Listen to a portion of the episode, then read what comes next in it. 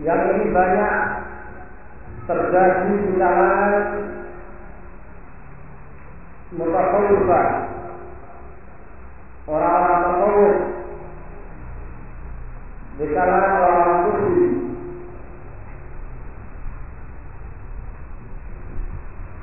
Kesalahan pertama Ibadatullah duna rahbatin fil jannati al rahbah minan nar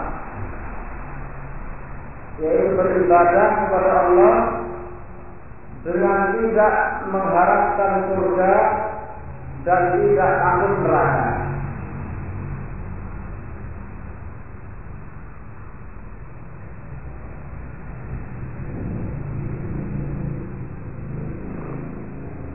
Jadi mereka beribadah melakukan amalan-amalan tetapi dengan tidak mengharapkan surga dengan amalan tersebut dan tidak mengharapkan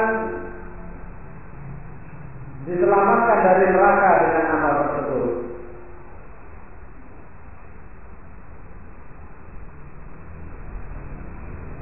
Pemikiran semacam ini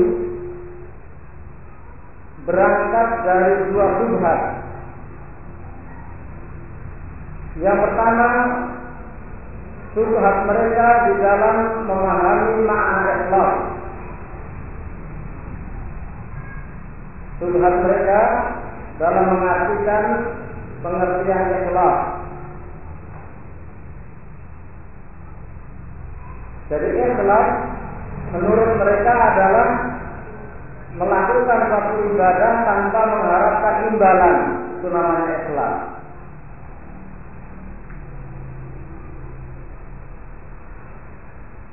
Tidak mengharapkan surga, juga tidak mengharapkan selamat dari neraka. Itulah ikhlas menurut mereka. Padahal ikhlas menurut ahli sunnah, ikhlas dalam pengertian yang benar, sebagaimana dikatakan oleh Al-Hafidh Al-Hakami dia mengatakan al-ikhlasu huwa amali bi salihil niyyati an jami'i syawari syirki yang dimaksudkan ikhlas adalah tasfiyatul amal membersihkan amalan dengan niat yang benar Nah, niatnya benar. Karena Allah Subhanahu wa taala kemudian amalnya itu dibersihkan dari seluruh kotoran-kotoran syirik. Termasuk kotoran syirik adalah mengharapkan balasan dari selain Allah.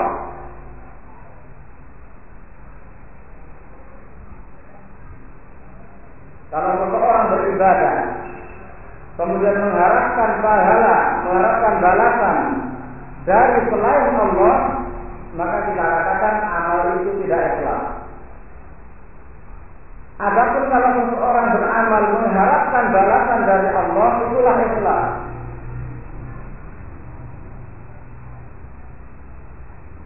Jadi yang dimaksud ikhlas itu adalah beramal dengan mengharapkan balasan dari amalnya. Hanya saja yang dia harapkan itu adalah dari Allah bukan dari selainnya. Bisa dipahami ya? Jadi ikhlas adalah amal. Kita membersihkan amalan dari segala kotoran-kotoran syirik.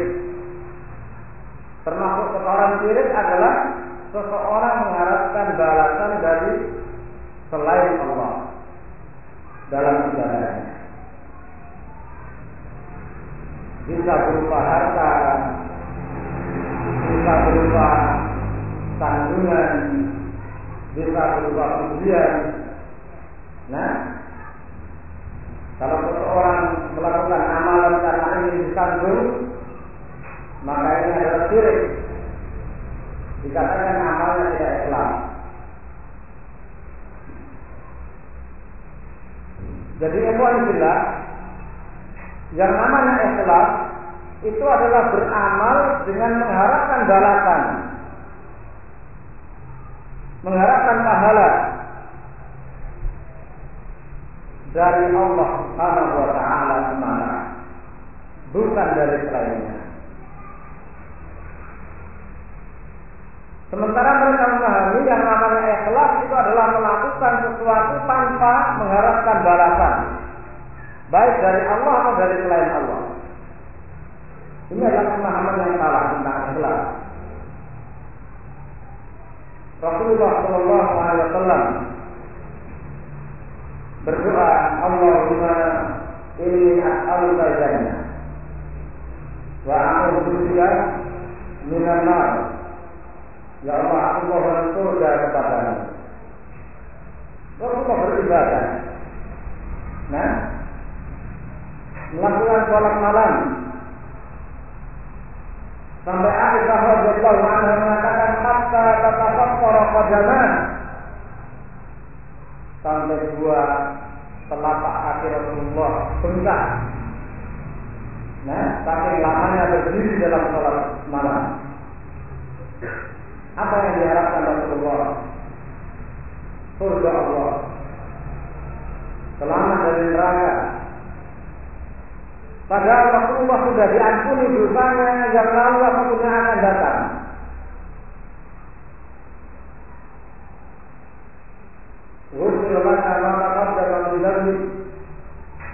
Sedangkan engkau telah diampuni dosa-dosamu ya Rasulullah. Kenapa engkau sholat tanpa bengkak kakimu?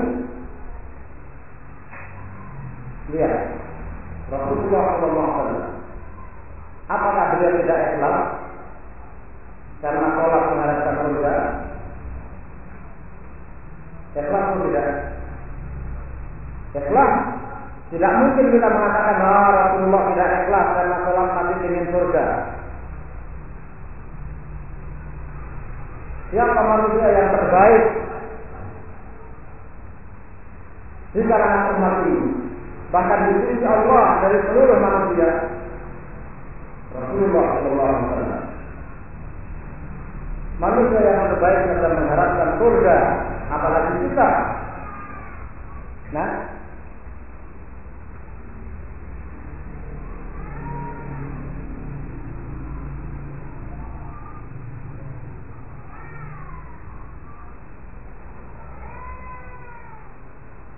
Jadi orang-orang sufi ya, mereka menyangka bahwa ibadah yang hakiki, peribadatan yang murni adalah ibadah yang tidak mengharapkan balasan dari Allah.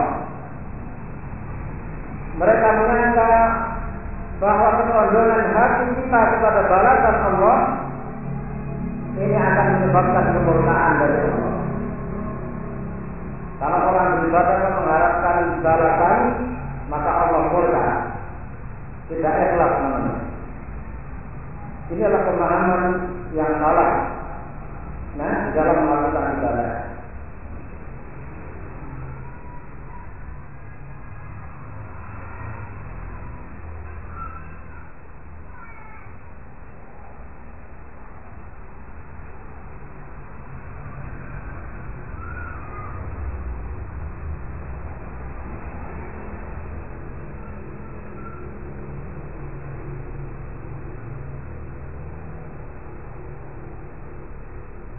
Yang kedua, kesalahan yang kedua,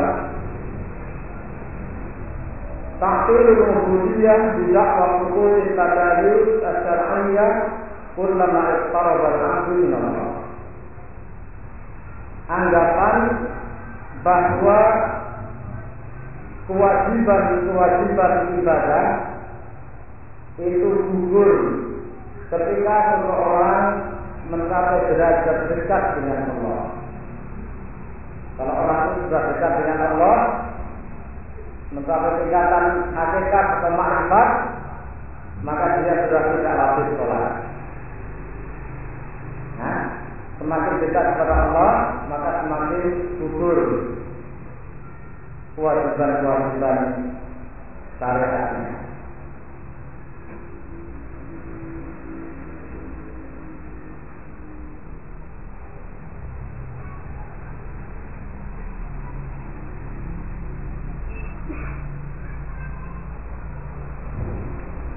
Di antara orang kalangan Suriah mereka membagi tingkatan derajat manusia dari tiga. Yang pertama adalah tingkatan Torifah atau syariah. Nah, tingkat Torifah yaitu orang yang beribadah sesuai dengan apa ibadah-ibadah badaninya mereka sholat, mereka puasa, haji ini adalah tingkatan mereka yang masih sujud, masih ruku adalah tingkatan mereka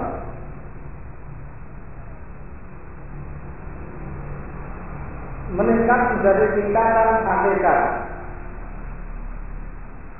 Nah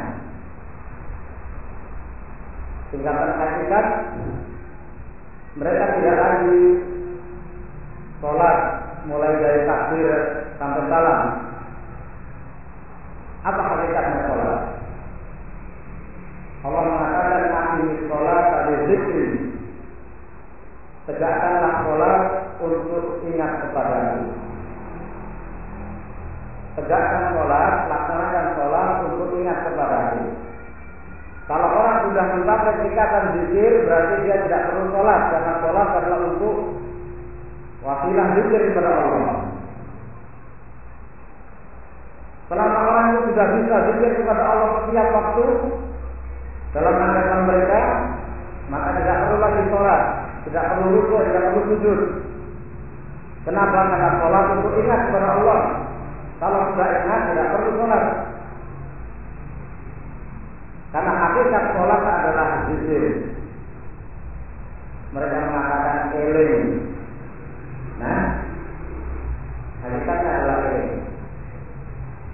Syariat mereka bukan syariat bohir. Mereka menamakan syariat batin. Ada sholat batin, ada puasa batin, ada sholat batin. Nah, semuanya sudah batin. Ini sudah akhirnya, Kalau sudah meningkat lagi menjadi ma'rifat, yaitu tingkatan intisab, tingkatan tertingkatnya ilmu wahid. Nah, kalau sudah melalui jenjang hakikat, mereka meningkat menjadi tingkatan ma'rifat, yaitu terbukanya pintu wahid.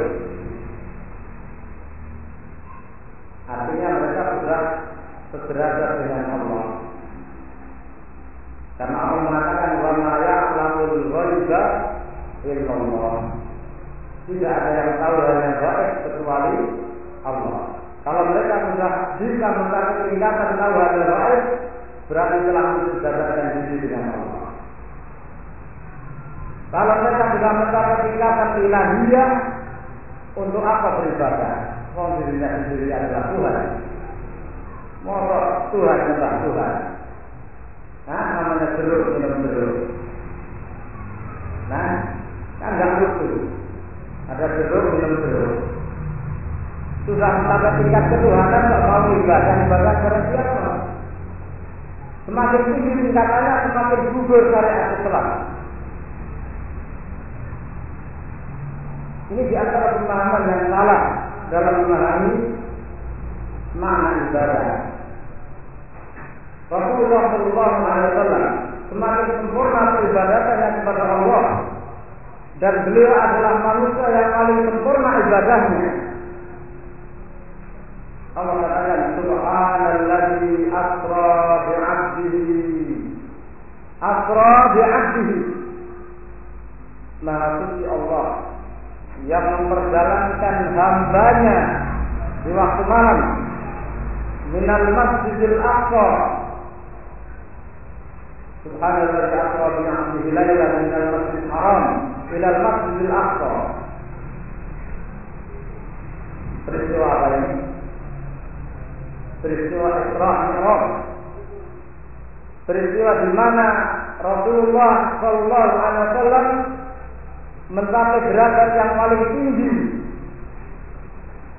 di bawah ars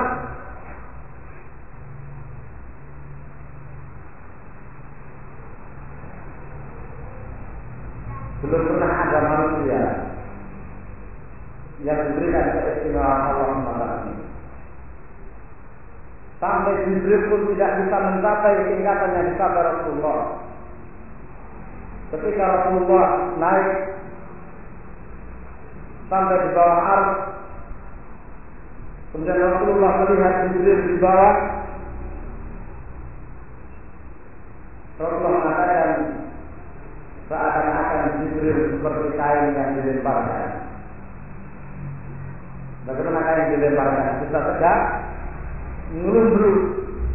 Malaikat Jibril, malaikat yang paling kuat, Sayyidul Malaikat, dia tidak kuat untuk naik sampai ke hadapan Allah Subhanahu wa taala dan dia dilihat Rasulullah seperti khirqa, seperti kain yang dilemparkan. Ngelundruk tidak berdaya dan Rasulullah naik sendiri menghadap Allah Subhanahu taala. Tingkat derajat yang demikian tinggi dicapai Rasulullah tetapi Allah memanggil beliau Subhanalladzi asra bi 'abdihi. Masih menyebutnya abdun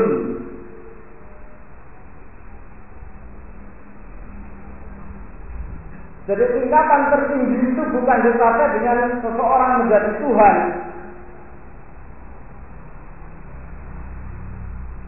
Kalau demikian, ini adalah kekalahan umat-umat terdahulu.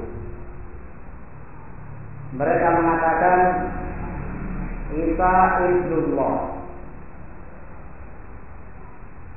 Isa ibnullah. Mencapai tingkat ilahiyah anak Allah. Mereka mengatakan Uzair ibnullah. Uzair adalah anak Allah. Menganggap bahwa dengan mensejajarkan mereka di tingkat ilahiyah itu menjadi tingkat tertinggi. Padahal Allah mengatakan tingkat tertinggi adalah abdul.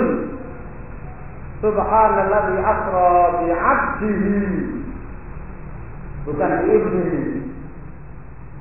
Nah, Maha Suci Allah yang menjalankan hambanya.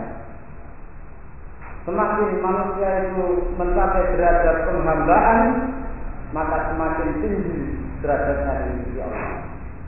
Semakin dia tunduk, semakin mulia di sisi Allah.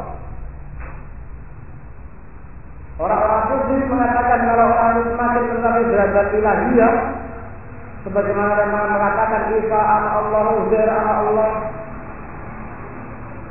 tingkatan yang mulia. Ini subhat mereka. Sehingga yang terjadi semakin meningkat agamanya menurut mereka, mereka semakin jauh dari syariat Allah. Nah, Pak Kiai kan tidak jumatan. Iya, dia Pak Kiai itu jumatannya di Mekah. Nah, Jumatannya di Mekah. Lu kan punya dua belas nanti tinggalkan jalan sekarang sudah sampai Mekah. Nah, selisih waktunya berapa Mekah dengan sini? Nah, lebih dulu ini apa bang? Lebih dulu ini ya. Jadi ini empat jam. Kalau sekarang waktunya Jumatan, tapi ini dua belas nanti ada sekarang waktunya di Mekah itu masih jam sembilan. Lalu jam satu sudah ada lagi di sini. Nah, karena baru jam sepuluh. Di sini tidak Jumatan, di Mekah tidak Jumatan.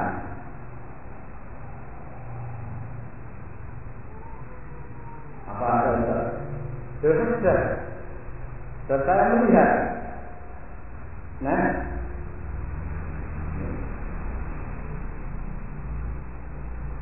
mengaku kiai dan memang dikiaikan.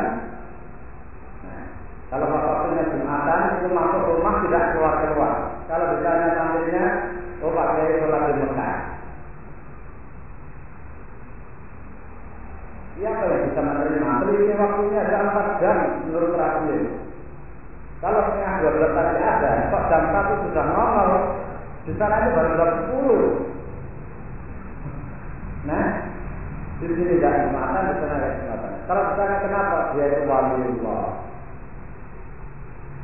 Nah, dia itu wali. Atau setengah wali. Atau seperempat wali. Nah, coba. Saya sudah Islam Ibn Taimiyah mengatakan فمن وقف عند هذه الحقيقة والألوهية ولم suhulha بما أمر الله من الحقيقة الدينية التي al-haqiqati ad-dunyawiyya allati ja'adatuhu muta'alliqatan bi uluhiyyati wa ta'ati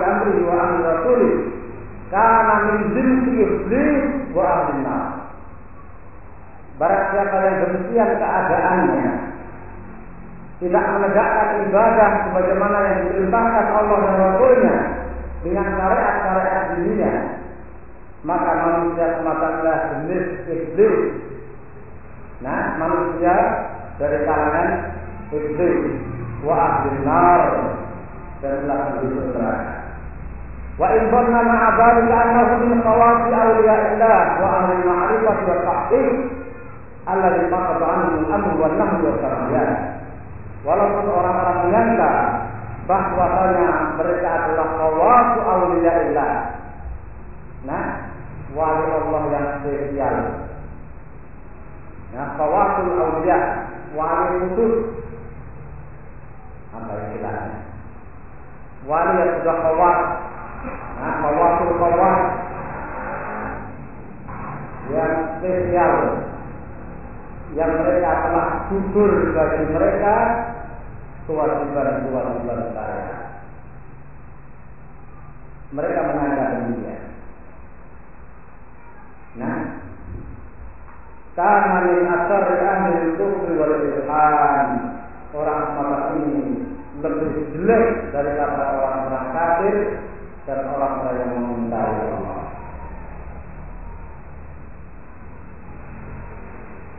Di antaranya apa?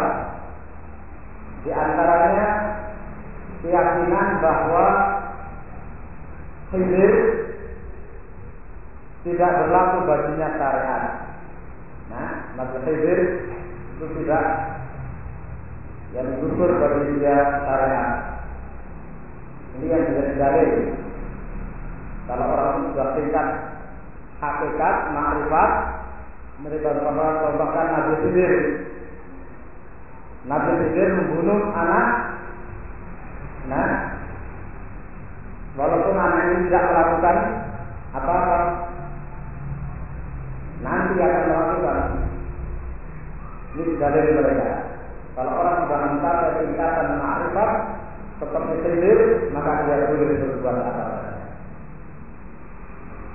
Bahkan yang paling jelek sesuatu yang halal menjadi haram, sesuatu yang haram menjadi halal menjadi Kalau mereka minum khamr kemudian diingkari, loh, Pak Yai kok minum khamr? Nah, ini khamr kalau untuk tingkatanmu. Nah, kalau tingkatanmu ini sudah bukan khamr, berbeda tingkatannya. Kamu masih tingkatan torekot, saya sudah makrifat. Nah, apa terjadi? Terjadi. Nah, ini kesalahan sebagian manusia khususnya di kalangan ini dalam memahami pengertian ibadah. Sebuah kita lakukan Allah Kemudian kita lanjutkan perkara-perkara yang merupakan ibadah.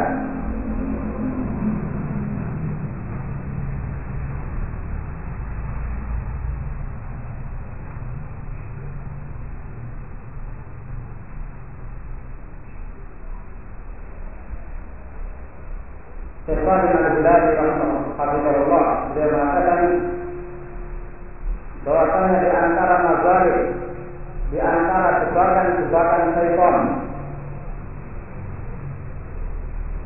di dalam ibadah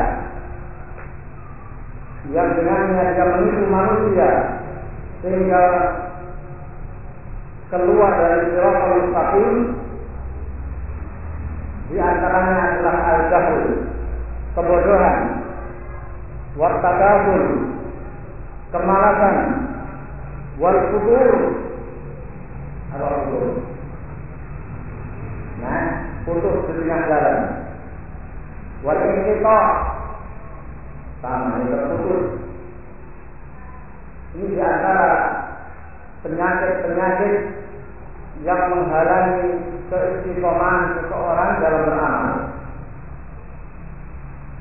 Sebab orang tidak istiqomah yang pertama adalah jahil. Ketika orang itu jahil tidak memahami apa yang dia lakukan, maka cenderung dia akan berhenti di tengah jalan. Tidak akan istiqomah. Tapi orang yang mengerti apa yang dia lakukan, dia akan bisa istiqomah seberat apa pun tantangan yang dia hadapi. ketika dia memahami nah dia tidak akan pantang mundur maka sebab pertama yang akan menjadikan seseorang itu menyelesaikan dari istiqomah di atas siratal mustaqim adalah kejahilan. Oleh karena itu apa pun yang antum lakukan harus dilandasi dengan ilmu. Ini akan menjadikan istiqomah. Yang kedua adalah takabur. Bermalas-malasan. Nah, Ikhwanillah Penyakit ini adalah penyakit yang berbahaya Kalau bukan penyakit berbahaya Tentu Rasulullah tidak akan minta perlindungan Allah dari penyakit ini Rasulullah senantiasa berdoa, Allahumma inni a'udzubika minal kasali. Ya Allah, aku minta perlindungan kepadamu dari kemalasan. Kenapa? Karena tidak ada seorang pun yang tidak terjerembab, terjerembab dia terjerumus dalam penyakit ini. Siapa di antara antum yang tidak pernah atau belum pernah merasakan malam? Ada? Pernah merasakan kemalasan?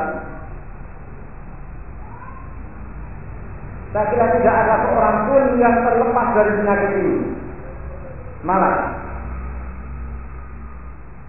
kalau tubuh kena kepala agak pusing nah malah ah, kena pusing ya. Padahal ketika jamaah selesai pusingnya hilang. Nah, hadir di masjid taklim hujan malas ah hujan. Sebab kemalasan ini penyakit yang luar biasa. Maka Rasulullah berlindung Allahumma inni a'udzubika minal kasal. Ya Allah, aku mohon perlindungan kepada dari kasal, dari malas. Orang tua sudah ngomong malas, sudah tidak bisa diapa-apakan. Nah, dibusuk ya tulis, ini ini ini hadiah ya tulis dalam malas, sudah itu sudah habis. Nah, ada terus belajar. Nah, malas sudah habis sudah. Kata terakhir. Nah, kalau sudah malas ini. Kemudian al-futur. Futur dari al-istiqa asna qarim. Terputus di tengah jalan. Seorang akhwat yang dulunya menggebu-gebu mempertahankan jilbabnya, mempertahankan hijabnya, bahkan harus menghadapi tantangan orang tuanya. Nah, orang tuanya tidak merido, tidak membolehkan dia pakai sadar misalnya. Tapi karena dia tahu ilmunya, dia bersikeras, dia tegar melaksanakan syariat itu walaupun harus berhadapan dengan ayah dan ibunya. Tapi dalam perjalanan kemudian, nah terjadi apa yang terjadi? Semakin jauh dari masjid taklim. Akhirnya dia tinggalkan dengan sendirinya dulu yang begitu kuat dia pertahankan sampai berhadapan dengan orang tuanya sekarang begitu mudahnya dia menjaga ini adalah kultur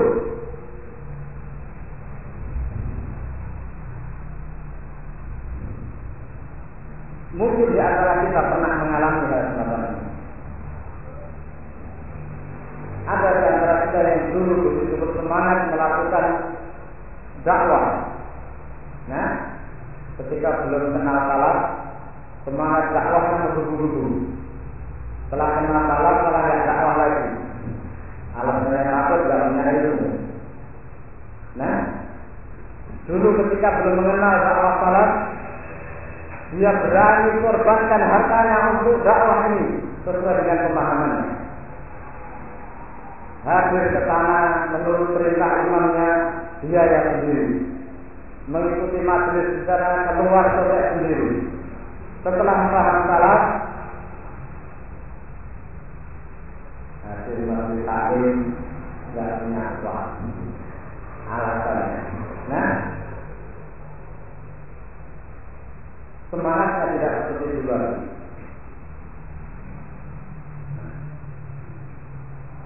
Ini kita lihat. Saya perhatikan beberapa ketua yang dulu sebelum mengenal kata salafiyah sempat mengenal di berbagai arafah dakwah. Arafah ini dimaksudi keluar pindah ke sana terus sampai akhirnya paham dakwah salafiyah. Ketika kita amati sekarang dengan kondisinya dulu jauh berbeda. Kalau dulu itu begitu bersemangat, Nah, berkorban apa saja dia mau, sekarang dia kalau tidak dikorbani dia tidak. Subhanallah, itu dulu. Nah, Ada dua penyakit yang paling pokok yang akan kita sampaikan pada kesempatan kali ini.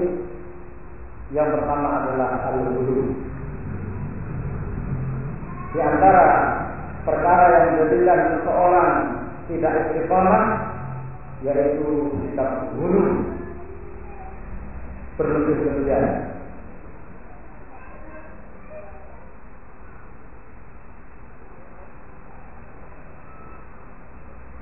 Ikhwan kita rahimani rahimakumullah. Di antara mumayyizah, di antara keistimewaan syariat Islam adalah bersikap tengah-tengah. Islam bersikap adil, pertengahan, tidak kurang dan tidak lebih.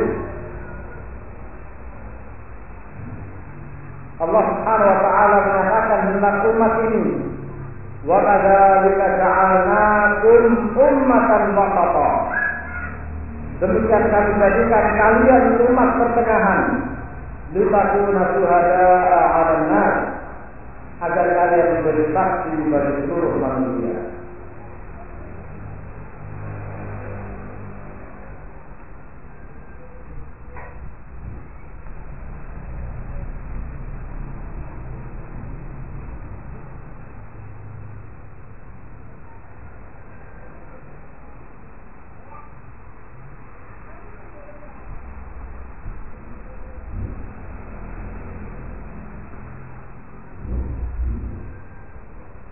Rasulullah Shallallahu Alaihi Wasallam beliau berpesan, Ya ayuhan nas, iyyakum wal ghuluw fiddin. Wahai manusia, hati-hatilah kalian waspadalah kalian dari berlebih-lebihan dalam beragama. Fa inna al ahlaka man la qablakum al ghuluw fiddin.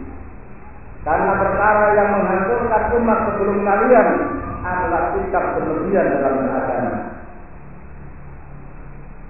Hadis ini dikeluarkan oleh Imam An-Nasai, Ibnu Majah, Ahmad, Abu Ya'la, Ibnu Jawa, Imam Al-Qadani, Al-Hakim dan yang lainnya. Hadis ini disampaikan oleh Allah ketika beliau melaksanakan ibadah haji. Ketika akan melempar jumroh, beliau merintahkan Ibnu Abbas. Nah, untuk di apa? Karena Rasulullah ambilkan untuk kerikil. Kerikil untuk melempar jumroh. Falakat lahu sab'a kawan.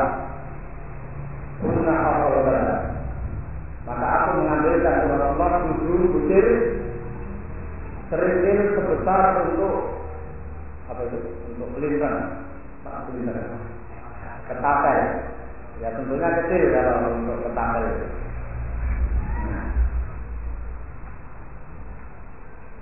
Kemudian Rasulullah mengatakan antaru haula ilmu. Dengan kerikil seperti itulah kalian melempar.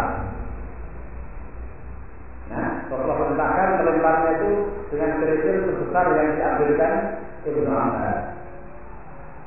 Jangan berlebihan. Nah, ada yang melempar jumroh pakai kerikil sebesar Subhanallah. Nah, kerikil itu bukan kerikil ini batu. Melempar jumroh pakai kerikil satu kepelan. Ini dulu. Rasulullah mengatakan, Iya ya ayuhan nas, ya dulu wahai manusia. Hati-hatilah kalian dalam dari sikap guru dalam beragama. Di antara sikap guru yang terjadi di kalangan jamaah haji, mereka melempar jumroh dengan keyakinan melempar seton. Nah, ketika melempar jumroh itu membayangkan di depannya ada seton, kemudian dilempar dengan kemarahan dan mencaci maki. Nah, syaitan. Nah, ini adalah gunung, bukan demikian. Ayo Yang dipahami jamaah haji kita kalau melempar jumrah itu adalah jumrah itu lambang dari setan yang dulu menggoda Nabi Ibrahim. Nah, dilambangkan dengan jumrah akobah Musa Kemudian dilempari sambil mencaci maki setan. Ini adalah dulu tidak asal ibadah di tempat yang suci. Nah, diiringi dengan caci maki. Bahkan supaya mantap bagi setannya dengan bukan kerikil lagi.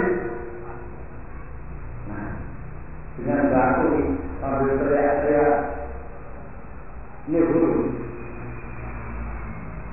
Nah,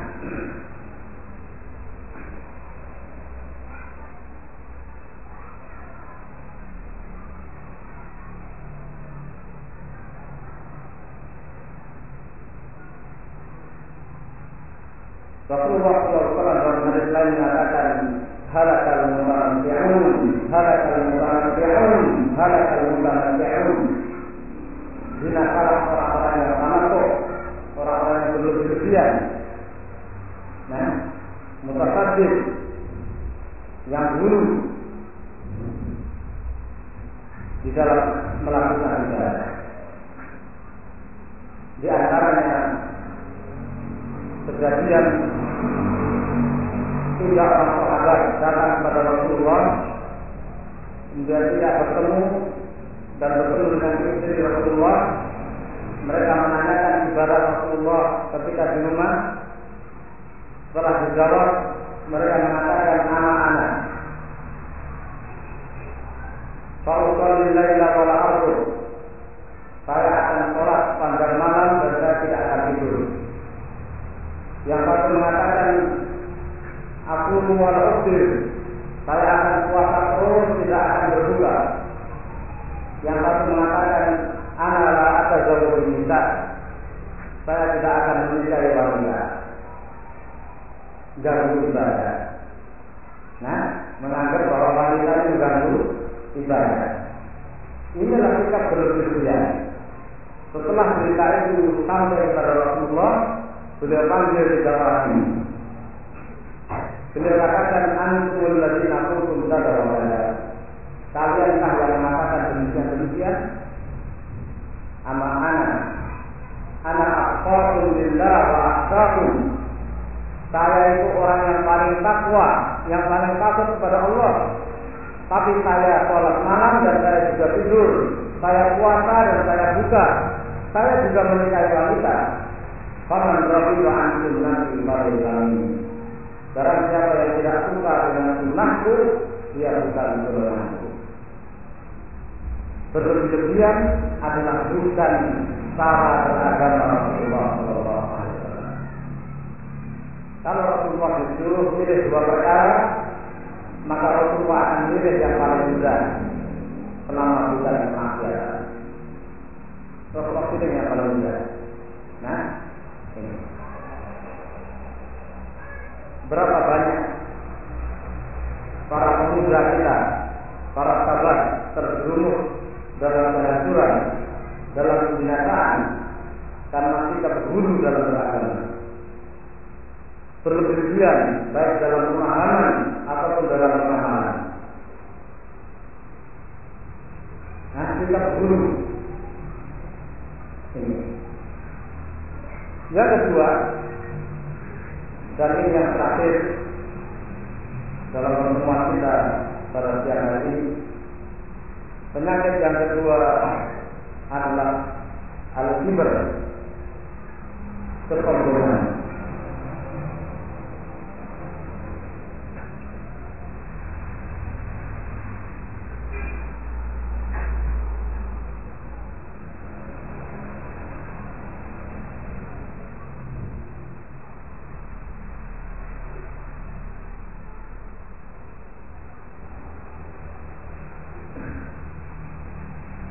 Syekhul Islam Ibnu Taimiyah rahimahullah dia berkata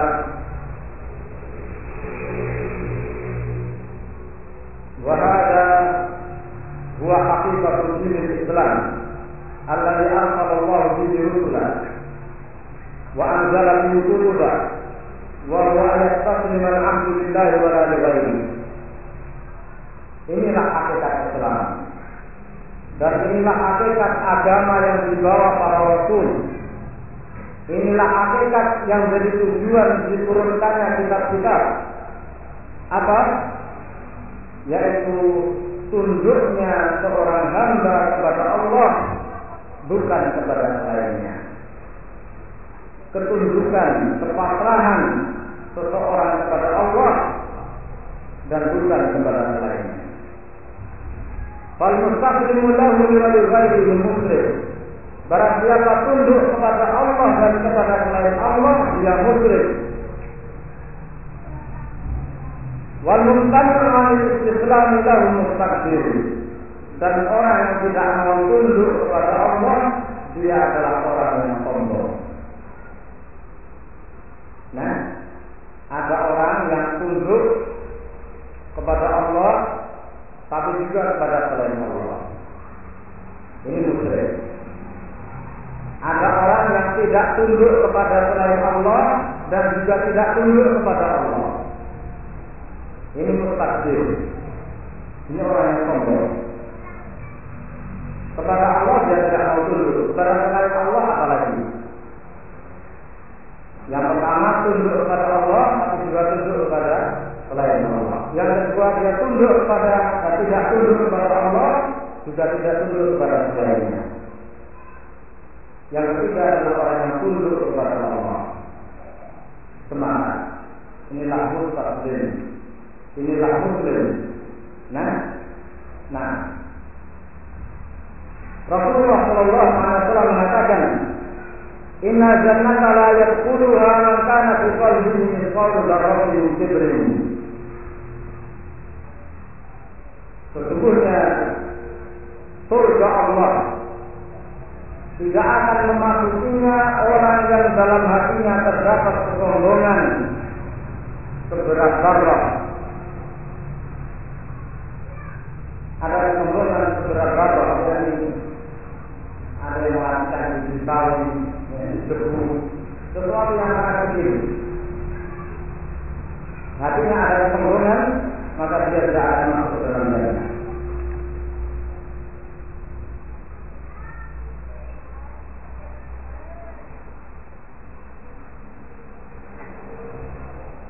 Ikhwan kita rahimahullah. Apa akibat kesombongan?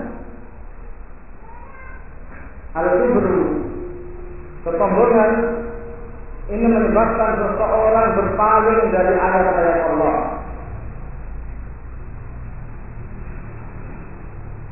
Allah katakan fa'asrifu an ayatil ladzina yastakbiruna fil ardi bighairi haqq wa in yaraw kulla ayatin la yu'minu biha. Kami akan palingkan dari ayat-ayat kami. Orang-orang yang sombong di muka bumi dengan tanpa kebenaran. Apabila mereka melihat ayat-ayat kami mereka tidak mau beriman kepadanya.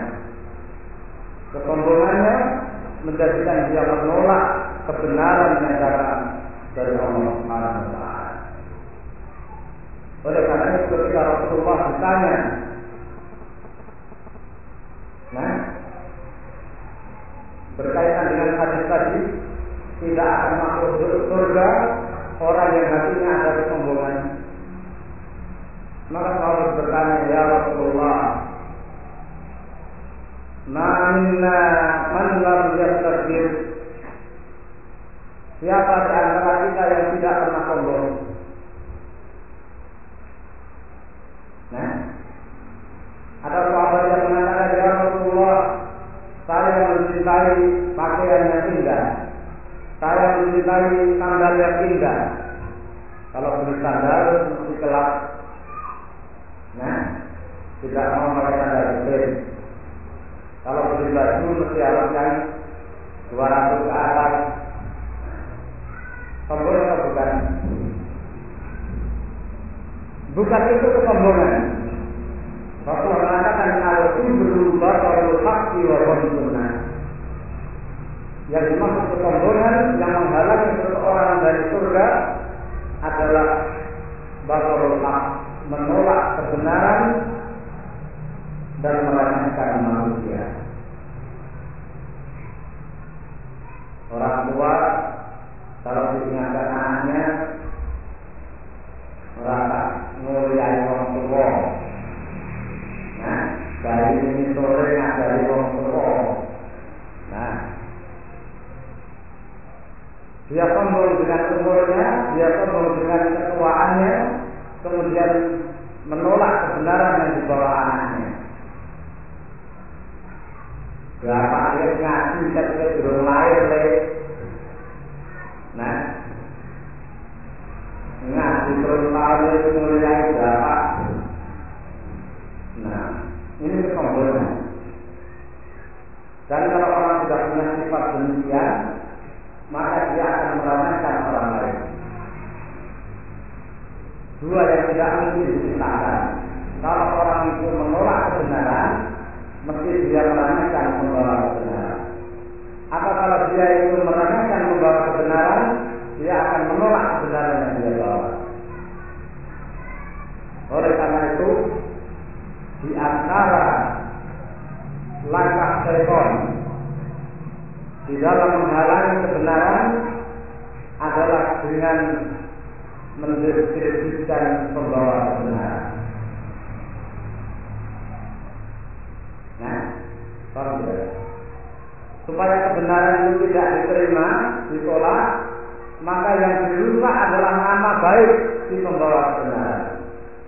Wah, dengan dia, dia itu keras. Ya, tidak ingin dijuluki dengan julukan-julukan dia itu lagi keras makanannya gaplek. Dari dari keras nah. Ini. Jangan di sana dia itu dahinya yang dirusak supaya orang tidak menerima kebenaran yang dia. bawa supaya dia diremehkan nah kalau sudah meremehkan orangnya, dia tidak akan menerima apa yang dia lakukan. Itulah cara-cara setan. Dan itulah yang terjadi. Luar itu wahabi. Nah, dijuluki dengan wahabi. Dia itu yang paling keren teroris. Ini tujuannya apa? supaya orang itu mendiskreditkan membawa kebenaran sehingga kebenaran yang dia bawa ditolak. Ghamtun nas wa Berapa banyak orang yang menyerahkan karena kesombongan diri. Ikhwan kita Allah Semoga Allah Subhanahu wa taala menjaga kita semua dari penyakit-penyakit yang akan merupakan amal-amal dalam kita Allah taala memberikan hidayah ilmu dan amal yang bermanfaat. Allahumma aqimna ma yanfa'una warfa'na bima 'allamtana innaka antal 'alimul hakim. Kita cukupkan di sini ada kurang lebihnya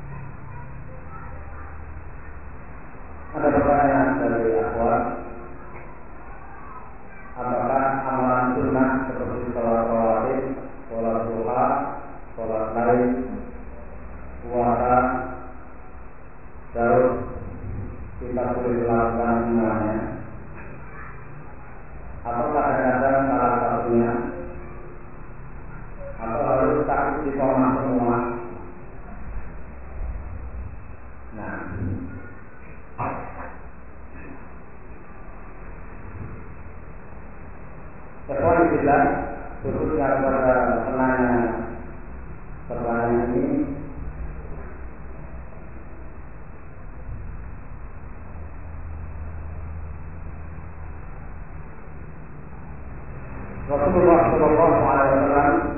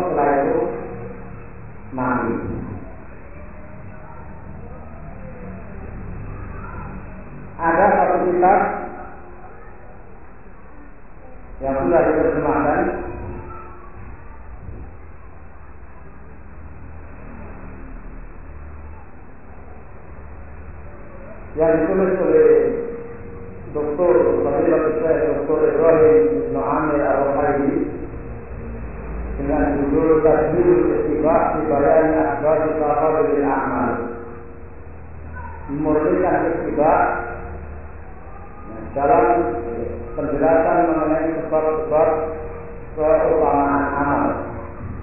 Dalam kitab ini dibahas tentang macam-macam keutamaan amal. Ada amal itu lebih utama dari yang lain karena waktunya.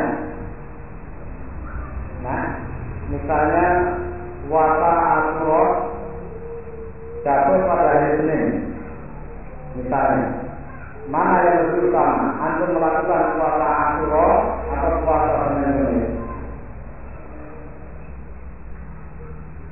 Atau puasa Arafah? Puasa Arafah jatuh pada hari Kemis.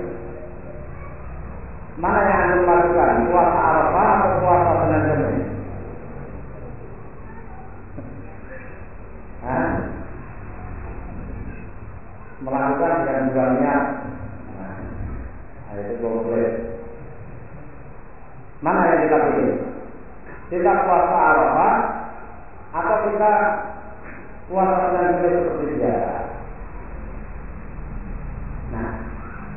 menurut keutamaan waktu ini lebih utama puasa Arafah. Karena Arafah tidak akan terulang kecuali dalam tahun yang akan datang. Sementara Senin akan berjalan di tiap minggu. Nah maka menurut waktunya Arafah lebih utama daripada Senin Kemis demikianlah setiap amal ada keutamaannya.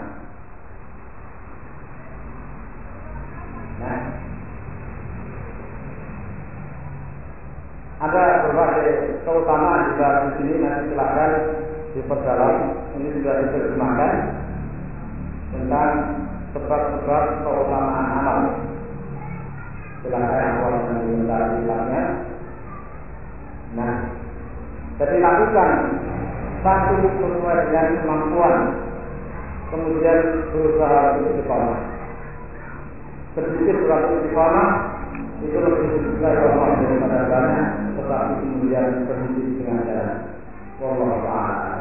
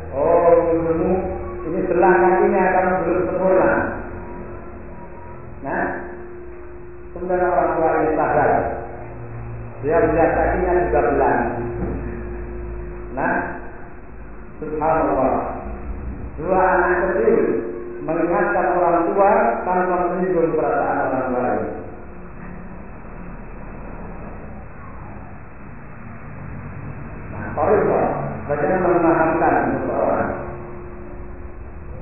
Nah. Oleh karena itu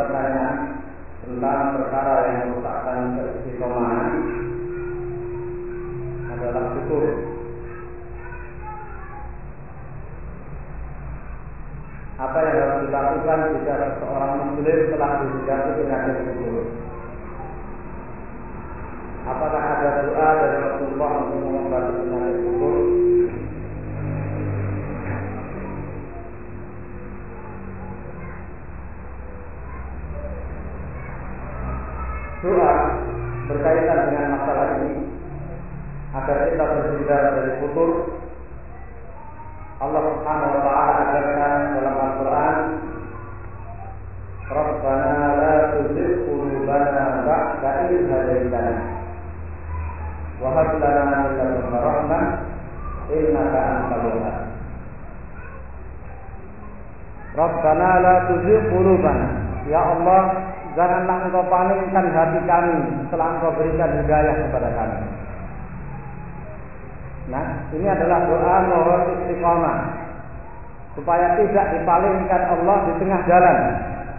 Yang tadinya mendapat hidayah, kemudian sekarang dipalingkan Allah dijauhkan dari hidayah. Kemudian juga Rasulullah Shallallahu Alaihi Wasallam selalu berdoa, Allahumma ya muqallibal qulub Qalbi ala dinika. Wa ya musarrifal qulub Sarrif qalbi ila ta'atik. Wahai Allah yang membolak-balikkan hati Tetapkanlah hati kami di atas agamamu. Tetapkan hati kami di atas amal soleh dalam ibadah kepadamu. Nah, minta ketetapan hati, minta istiqomah sehingga tidak putus Kemudian bagi yang telah mengalami penyakit futur ini, saya nasihatkan untuk segera kembali.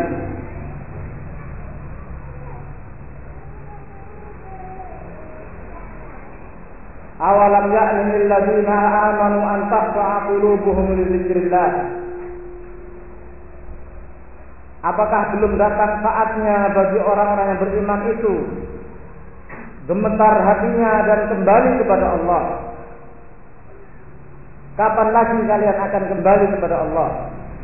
Kapan kalian akan tobat kalau tidak sekarang? Jangan mengatakan nanti dan nanti, karena itu adalah pintu syaitan. Taswif, nanti, nanti, saufa, saufa. Ini adalah pintu syaitan. Segeralah kembali ke jalan Allah. Jangan malu untuk melakukan kebaikan. Penyakit yang paling berat orang yang telah futur adalah malu untuk bertemu dengan teman lama, bertemu dengan ikhwan lama, bertemu dengan akhwat yang lama. Saya sudah seperti ini, saya malu. Nah, tinggalkan rasa malu yang tidak semestinya semacam ini kembali kepada Allah Subhanahu wa taala. Kemudian hendaknya rajin dalam menghadiri majelis-majelis taklim. Di antara sebab yang menjaga keistiqomahan kita tidak futur adalah senantiasa rajin menghadiri majelis-majelis taklim. Demikian para sahabat Ibnu Abbas radhiyallahu anhu Beliau bergembira kalau melihat pemuda-pemuda hadir di Masjid Ta'lim. Beliau puji-puji para pemuda yang mau duduk di Masjid Ta'lim. Beliau katakan wa ya raihatal jannah. Wahai para raihatul jannah. Ini orang-orang yang semerbak baunya. Nah, pengharum surga. Para pemuda yang hadir di Masjid Ta'lim dikatakan oleh Ibnu Abbas raihatul jannah, pengharum surga. Nah, hadir banyak hadir di Masjid Ta'lim. Ini sebagai alat sarana untuk kita terhindar dari sikap putus. Wallahu taala alam.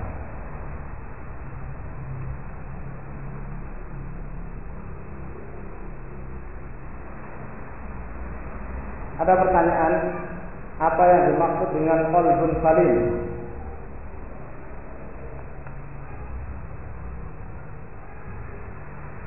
Allah Subhanahu wa taala berfirman dalam ayat yauma la yanfa'u malun wala banun illa man atallaha biqalbin salim.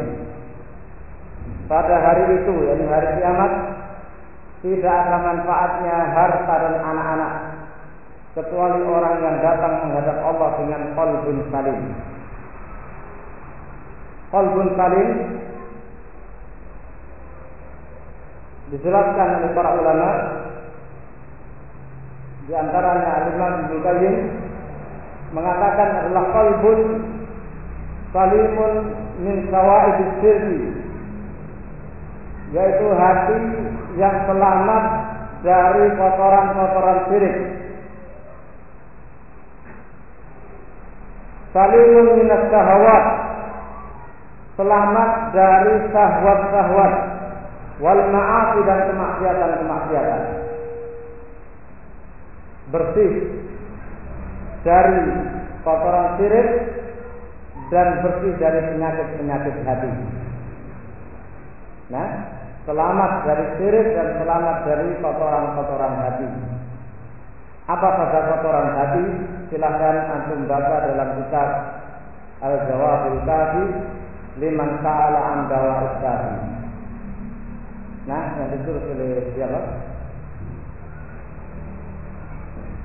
atau dengan judul lain nama lainnya ada uat Jawa. Jawa Imam Ahmad.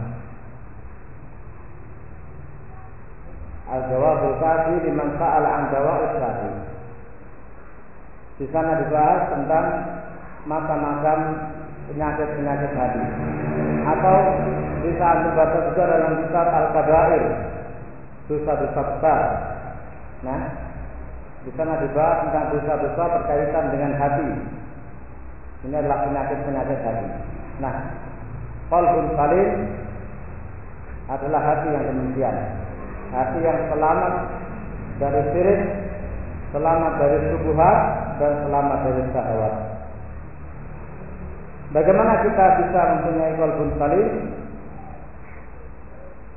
Ya tentunya dengan membersihkan hati tadi Nah, dibersihkan dengan tazkiyatun nafs selalu berupaya membersihkan hati dari kemusyrikan syahwat ataupun subhat.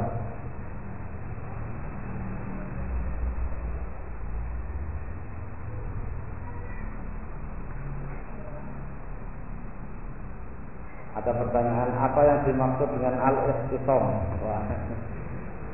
Al-ikhtisam. Al-i'tisam artinya berpegang teguh. Allah katakan wa'tasimu bihablillahi jami'a wa la tafarraqu. Berpegang teguhlah kalian dengan tali Allah dan janganlah kalian saling berpecah belah. Di al-i'tisam artinya berpegang teguh dengan tali Allah. Bagaimana laki-laki yang berubah jenis kelamin menjadi perempuan Wallahu taala alam. Dan bagaimana mengubah atau mengoperasinya? Ini saya tidak bisa menjawab. Bagaimana cara mengoperasi? Nah, berubah kelamin. Barangkali ada ikhwan yang dokter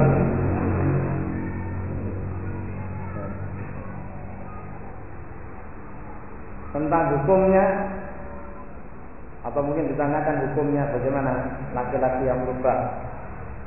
Ini termasuk tidak dibolehkan. Nah, termasuk perbuatan haram. Tazhir khalqillah. Merubah sesuatu yang telah diciptakan Allah Subhanahu wa taala.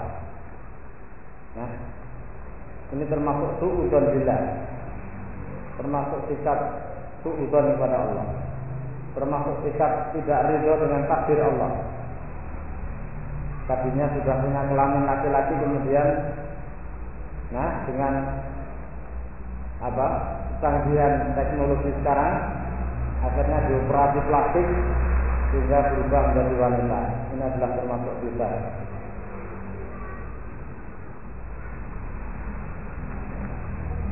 bagaimana kita mengajak orang tua untuk sholat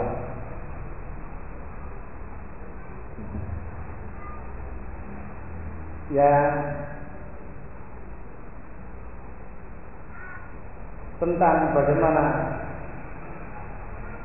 cara-cara teknisnya antum lebih mengetahui dengan kondisi orang tuanya masing-masing hanya saja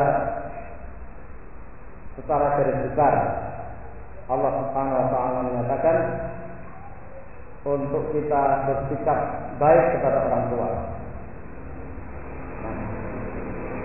Waktu lahuma janaha dhulli min rahmah. Tundukkan bagi keduanya sayap-sayap kasih sayang. Menunjukkan kasih sayang. Wa qul lahuma wa la taqul lahuma uffin wa la tanharhuma wa qul lahuma qawlan karima. Wa in jahadaka 'ala an tusyrika bima laysa laka bihi ilm fala tuti'huma wa sahibuhuma fid ma'rufa. Nah, kita diperintahkan untuk musahabah untuk mempergauli orang tua dengan cara yang sebaik-baiknya. Semoga itu menjadi wasilah dakwah kita diterima di kalangan orang tua kita. Dengan kita mempergauli yang baik dengan kita berkhidmat, kita melayani orang tua sebaik-baiknya. Nah, semoga menjadi hidayah untuk orang tua kita mau ketika antum mengajak mereka melaksanakan sholat. Tidak lupa dengan doa, banyak berdoa untuk orang tua.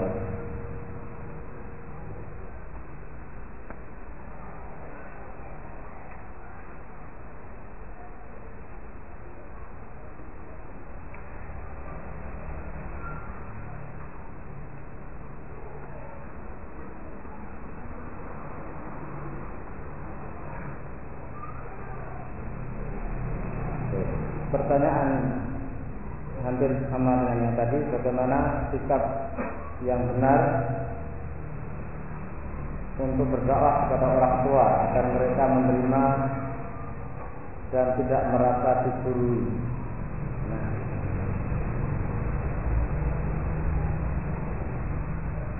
Tadi sudah kita sampaikan dengan cara musahabah kita mensikapi mempergauli orang tua dengan cara yang sebaik-baiknya dengan ketaatan kita, dengan perkataan yang baik, nah dan sebagainya, kita harapkan menjadi sebab hidayah bagi mereka.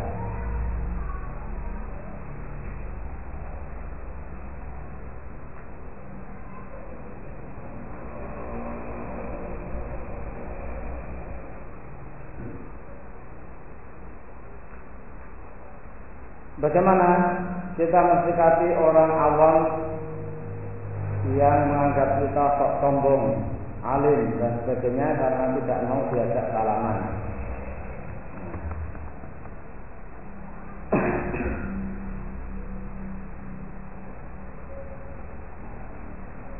Alhamdulillah kalau akhwat sudah paham hukumnya bersalaman dengan yang bukan mahramnya sekarang sudah tidak mau dan di bilang sok alim, sok sombong dan sebagainya. Bagaimana menghadapi orang semacam ini? Allah Subhanahu wa taala menyebutkan tentang sifatnya Ibadur Rahman. Nah, Ibadur Rahman dalam surat Al-Furqan.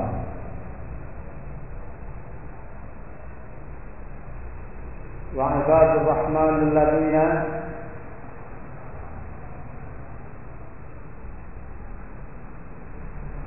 يمشون على الأرض هونا وإذا خاطبهم الجاهلون قالوا سلام Nah, sifatnya ibadur rahman mereka berjalan di atas muka bumi ini dengan merendahkan diri, tidak sombong. Wa idza khatabahumul jahilun apabila orang-orang jahil, orang-orang yang tidak berilmu, orang-orang yang awam mengata-ngatai mereka, mengucapkan kalimat-kalimat yang tidak menyenangkan. Qalu salam. Mereka menjawab dengan perkataan yang penuh keselamatan. Nah,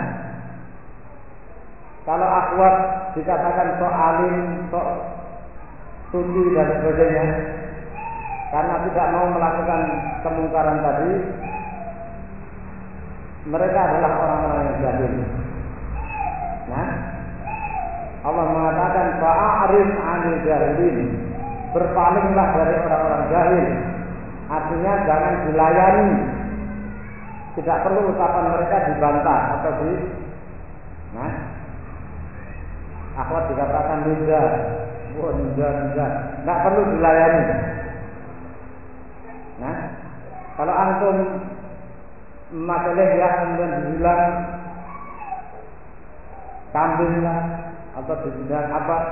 Tidak perlu dilayani. Mereka pada dasarnya adalah orang-orang jahil. Fa'arim anil jahilin. Berpalinglah dari mereka. Tidak ada gunanya melayani mereka. Dan katakan kepada mereka perkataan yang salah qalu salam. Ucapkan kalimat yang mengandung keselamatan. Doakan mereka. Nah Rasulullah Shallallahu Alaihi Wasallam beliau berdakwah hisab penyihir. Hisab sebagai dukun tukang ramal penyair pendusta. Pasal beliau dilempari dengan batu. Nah? Apa kata Rasulullah ketika menghadapi semua itu?